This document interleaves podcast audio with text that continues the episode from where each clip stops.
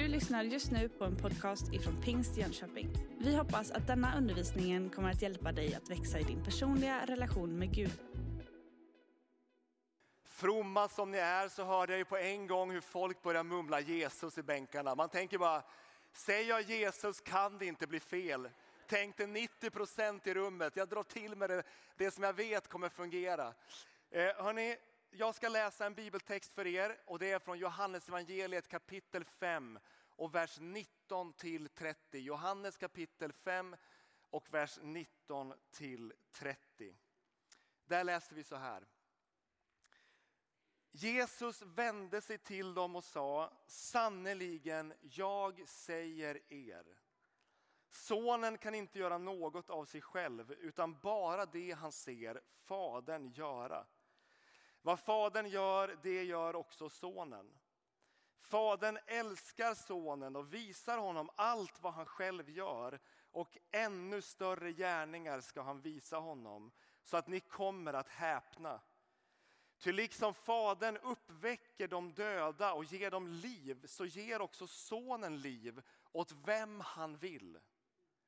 Och Fadern dömer ingen utan har helt överlåtit domen åt Sonen för att alla ska ära Sonen liksom de ärar Fadern. Den som inte ärar Sonen ärar inte heller Fadern som har sänt honom. Sannerligen, jag säger er, den som hör mitt ord och tror på honom som har sänt mig, han har evigt liv. Han faller inte under domen utan har övergått från döden till livet.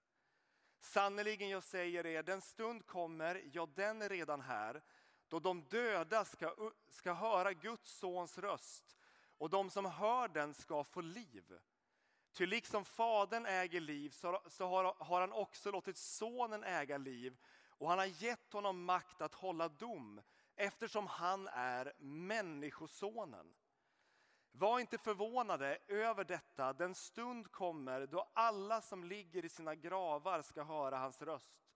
Gå ut ur dem och de som har gjort det goda ska uppstå till livet och de som har gjort det onda ska uppstå till domen.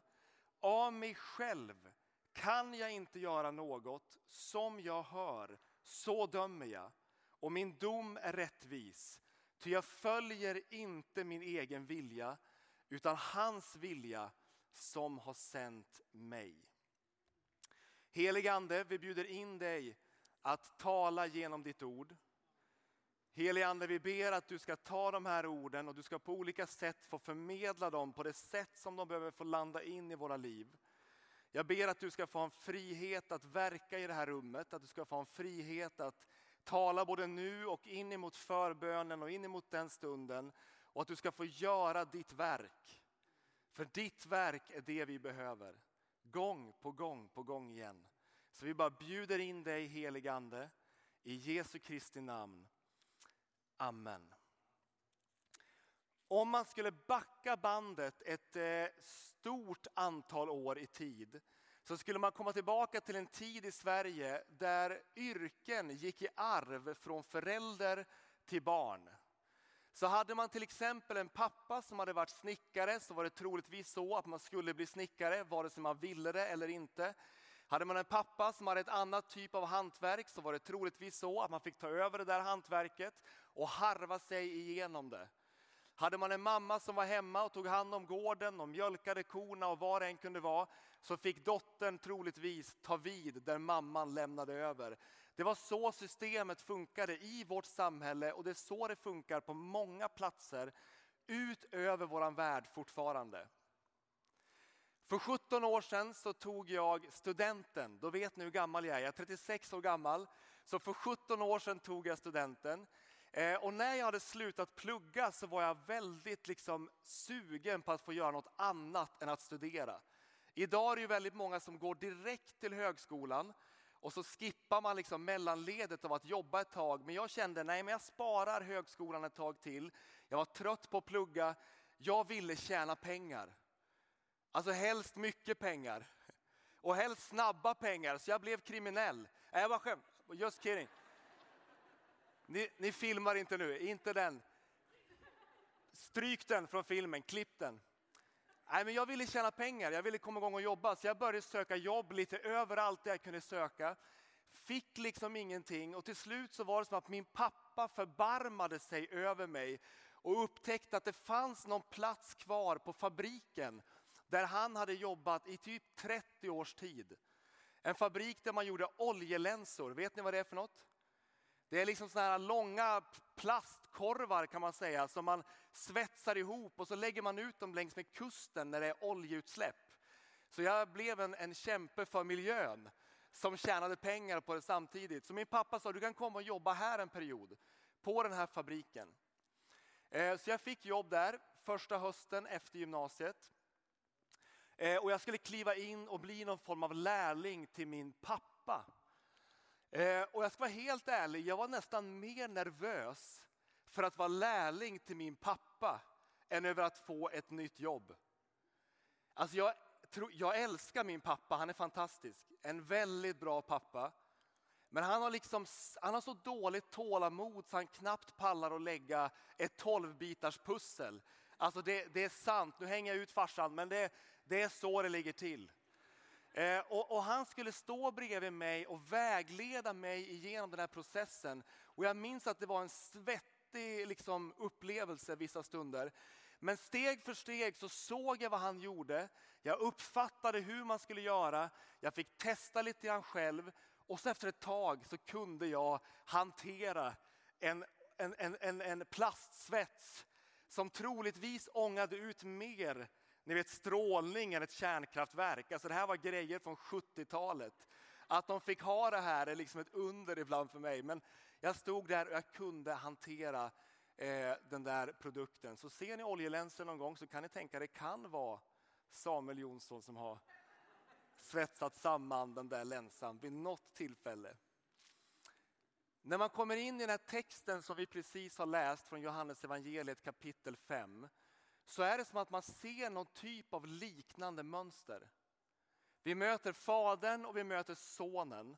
Och vi märker att Fadern i någon mening försöker liksom peka på, visa och förklara vad det är han gör i världen och vad det är han vill göra i världen. Och sen steg för steg så lämnar han över ansvaret och makten till sonen att utföra det som fadern har visat, tänkt och vill ska ske. Och det är två ord som gång på gång återkommer genom den här texten vi har läst i Johannes evangeliet som pekar på vad Fadern vill göra som Sonen ska utföra i hans ställe. Och det är orden liv och dom. Liv och dom. Två ord som kan kännas lite motstridiga för oss. Lite grann som att de krockar med varann. Liv låter som något väldigt kul och yippee och dom. Det låter som att man har tappat liksom livslusten och livsgnistan. Men de där orden de återkommer gång på gång genom den här texten vi har läst. Vad är det Fadern vill göra som Sonen ska utföra som kan sammanfattas i liv och dom? Vad betyder de där orden? Jag tänkte vi skulle börja med att bara titta på begreppet liv. Jag ställde en fråga till er i början av den här predikan. Vad är det du tänker på när du tänker på kristen tro? Vid något tillfälle, kanske tio år sedan, så lyssnade jag på en föreläsare som talade om vad olika människor i olika länder förknippar med just kristen tro. Och när de hade gjort den här undersökningen och tittat både på Latinamerika och Asien och Europa och runt omkring i världen så kunde de konstatera att det människor förknippade med kristen tro i de länder där den kristna kyrkan växer explosionsartat. Det är begrepp som frihet och liv. Medan man faktiskt i den typ av land som vi lever i, åtminstone då, det kan ha förändrats mycket sedan dess när jag lyssnade på det här, kanske oftare förknippade kristen tro med lite grann av en tvångströja. Det är någonting som håller mig tillbaka från det som egentligen är riktigt skoj. Men i de länder där det växte så var det frihet och liv. Åtta gånger genom Johannes evangeliet kapitel 5, vers 19-30 så nämner Jesus ordet liv eller evigt liv. Åtta gånger på elva verser. Genom hela Johannesevangeliet så lyfter Johannes gång på gång fram sammanhang där Jesus talar om det som har att göra med honom i termer av liv och evigt liv. Kring den här tiden när Jesus vandrade runt på den här jorden så fanns det en föreställning hos det judiska folket, en stor del i alla fall av det judiska folket, att vid något tillfälle i historien, längre fram, långt där borta, så skulle Gud göra ett verk i den här världen. Upprätta det som är skadat, plocka upp det som har gått isär och ge det liv igen. Men man tänkte sig att det där är någonstans väldigt avlägset, väldigt långt borta. Det är inte än, det är inte nu. Så när Johannes gång på gång återkommer till det här talet om liv i Johannes evangeliet så kan man liksom ana att det är som att Johannes vill trycka särskilt på detta. Att det där som ni väntar på, som ni tänker är långt borta, längre fram, det har redan tagit plats. Det har redan kommit hit. Livet är här, alltså framtiden är redan i rummet. Genom Jesus, genom det han har gjort, genom det han har öppnat upp för oss. Evigt liv. Vad handlar egentligen evigt liv om? Dels är det någonting som är kopplat, ett begrepp som är kopplat till Gud själv. Alltså den Gud som Bibeln beskriver är ju en Gud som är av evighet. Han är alfa och omega, han är början och slutet. Han är den som alltid har varit, den som alltid kommer att vara. Han är den som allting hålls samman i. Han är av evighet. Alltså han står i någon mening utanför vår tideräkning och han kan kliva in i den men han är av evighet. Och genom Jesus Kristus har den där evigheten i liksom längd, längdvariant tagit plats i den här världen och vi kan få ta del av den genom att bli ett med Kristus. Så evigt liv, det är ju dels det här, eller hur? Längden. Men evigt liv i ett bibliskt perspektiv är något mer än bara ett längdmått. Det är också ett kvalitetsmått. Alltså det är en viss typ av kvalitet på livet själv. I Kristus finns sant liv. Alltså ett liv som är obrytbart. Ett liv som är okuvligt. Ett liv som inte liksom far upp och ner av olika stormar. Ett liv som är fyllt av kvalitet hur det än ser ut.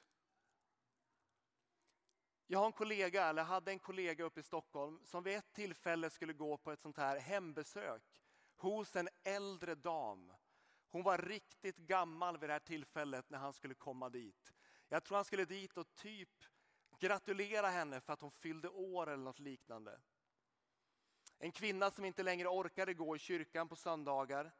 Eh, och en kvinna som hade egentligen varit i princip hemma innanför lägenhet, lägenhetens väggar en stor del av sitt liv. Därför hon hade tagit hand om eh, sina sjuka föräldrar under en lång, lång tid av sin, sitt, sin, sitt liv fram till dess. Hon hade fått sköta om dem, ta hand om dem, se till så att de hade det bra. Eh, och grejen var att den här kvinnan hade i princip inte jobbat särskilt mycket under sitt liv. Kanske jobbat en kort period i början när hon var ung någonstans. Sen hade hon ganska snabbt fått börja ta hand om föräldrarna. På grund av föräldrarnas sjukdom så hade hon också fått liksom avstå allt det där som många människor längtar efter i form av att hitta någon att älska, leva tillsammans med, skaffa familj, skaffa barn. Alltså många saker hade hon fått avstå på grund av de här omständigheterna som fanns runt omkring henne. Och när min kollega kommer dit så tänker han, han ser den här lilla gumman, liksom, damen i den här lägenheten. Så, så var hans instinktiva tanke, hon kan ju inte vara nöjd med livet. Alltså hon kan ju inte vara nöjd med det som blev. Det var det instinktiva han tänkte direkt när han mötte henne. Sen efter ett tag när han pratar med den här kvinnan så inser han hon är tacksammare över livet än vad jag är tacksam över det liv jag har fått. Därför att i den där liksom ensamheten, i den där liksom på ett sätt isoleringen, på ett sätt det som har blivit avskalat ifrån henne, så hade hon på något sätt levt ett liv som hade knutits mer och mer samman med Jesus Kristus själv. Och det hade gett henne en kvalitet på livet som inte berodde av vad hon just då upplevde och just då såg. I Jesus är evigt liv. Johannes säger i kapitel 17, vers 3. Detta, säger han, är det eviga livet. Detta är det eviga livet. Att de känner dig, den enda sanne guden och honom som du har sänt, Jesus Kristus. Det är alltså inte bara det eviga livet där och då, eller det eviga livet som ett längdmått. Det är det eviga livet här och nu som Gud kommer för att ge till oss. Och då kanske någon tänker, det där är väl helt självklart. Har du åkt hela vägen från Gula ringen, fem kilometer, in till Västra torget för att säga detta? Ja, det har jag. Det är sanningen, det är det jag har gjort rent krasst, alltså praktiskt. Jag har åkt därifrån. Men jag tror att är det någonting man lätt kan glömma bort så är det att det handlar om liv. Det är så lätt att det här liksom kyrkliga livet, det kristna livet blir pingströrelsens liksom A, B, C. Jag vet hur jag ska göra, hur jag ska uppföra mig, hur jag ska bete mig, hur jag ska sträcka mig, hur jag ska göra. Vi vet koder, beteendemönster, vi vet vad som förväntas. Och så någonstans längs vägen så är det nästan som att man tappar bort, det här är ju liv. Gud vill ge liv. Och jag tror att det kan finnas människor i det här rummet som när jag bara säger de här sakerna som känner att det är någonting av det där pulserande livet som jag inte riktigt anar, ser eller känner. Det är beteendekod, det är uppförande, det är verkstad. Och jag tror att Gud vill låta sin ande få flöda liksom igenom dig en gång till. Vi kommer ha möjlighet att be om en stund och då kommer du få en chans att respondera på det. Liv talas det om i första svepet av Johannes 5, 19-30. Det andra ordet är dom. Texten vi lyfter fram lyfter fram livet men inbakat finns också dom. Så här läste vi kapitel 5, vers 26 till vers 27. Liksom fadern äger liv så har han också låtit sonen äga liv. Och han har gett honom makt att hålla dom eftersom han är människosonen. Om man backar bandet till Daniel kapitel 7 i gamla testamentet så möter man där genom profeten Daniel en syn där Daniel vid ett tillfälle ser någon, står det, som liknar en människa eller en människoson som tar plats inför Gud av evighet och får makt över himmel och jord. När Jesus säger att han har fått makten att hålla dom för att han är människosonen så refererar han egentligen bara tillbaka till den där profetian i Daniel kapitel 7 och säger att det där är jag. Jag är uppfyllelsen av den där profetian. Jag har fått makt över himmel och jord, ett annat sätt att beskriva. Jag har fått makt att döma rättvist över den här världen för att jag har full insyn, full koll. Men vad handlar domen om? Det man måste komma ihåg är att när man läser Bibelns texter och när man läser Texter som kommer ur det judiska folkets resa och vandring genom den dåtida världen tillsammans med Gud. Där de både fick möta det som var fantastiskt men också fick möta mycket av motgångar. Så ska man komma ihåg att talet om dom från gamla testamentet och in i nya testamentet alltid är ett tal som är positivt laddat. Det är ett tal som är laddat med befrielse. Laddat med befrielse från ondska, från förtryck, från det som vill hålla en tillbaka, från det som vill eh, trycka ner en i skoskaften, från ockupationsmakter. Talet om dom var alltid ett tal som, som, som klingade gott i öronen på folket. En dag ska Gud ställa den här ondskan till rätta. En gång ska han göra någonting som upprättar världen, skapelsen och vår plats i den. En dag ska han ta bort allt det där som förtrycker våra liv så att det som finns kvar är liv i Gud. Så egentligen kan man säga att när man läser om domen i Johannes evangeliet kapitel 5 så kan man tänka att domen och livet fullkomligt går hand i hand. Därför att den ena leder till den andra. Mörkret, synden, ondskan måste liksom dömas ut för att livet ska kunna växa fram. Så domen i Bibeln är något positivt. Vi kan tycka att det är jobbigt, liksom lite besvärligt i vår del av världen och i vår, vår tid. Det är någonting som är lite jobbigt med tal om dom. Men det är tal om befrielse. Samtidigt som det är någonting som också ställer oss inför ett allvar. En bibeltext från Johannes igen, kapitel 3, vers 17-21. Gud sände inte sin son till världen för att döma världen, utan för att världen skulle räddas genom honom. Den som tror på honom blir inte dömd, men den som inte tror är redan dömd eftersom han inte har trott på Guds enda sons namn. Detta är domen, att när ljuset kom in i världen då älskade människorna mörkret mer än ljuset eftersom deras gärningar var onda. Den som gör det onda avskyr ljuset och kommer inte till ljuset för att hans gärningar inte ska avslöjas. Men den som handlar efter sanningen, han kommer till ljuset för att det ska bli uppenbart att han gör vad Gud vill. Hänger ni med på vad Johannes skriver? När Jesus kom till oss första gången så kom han inte för att döma.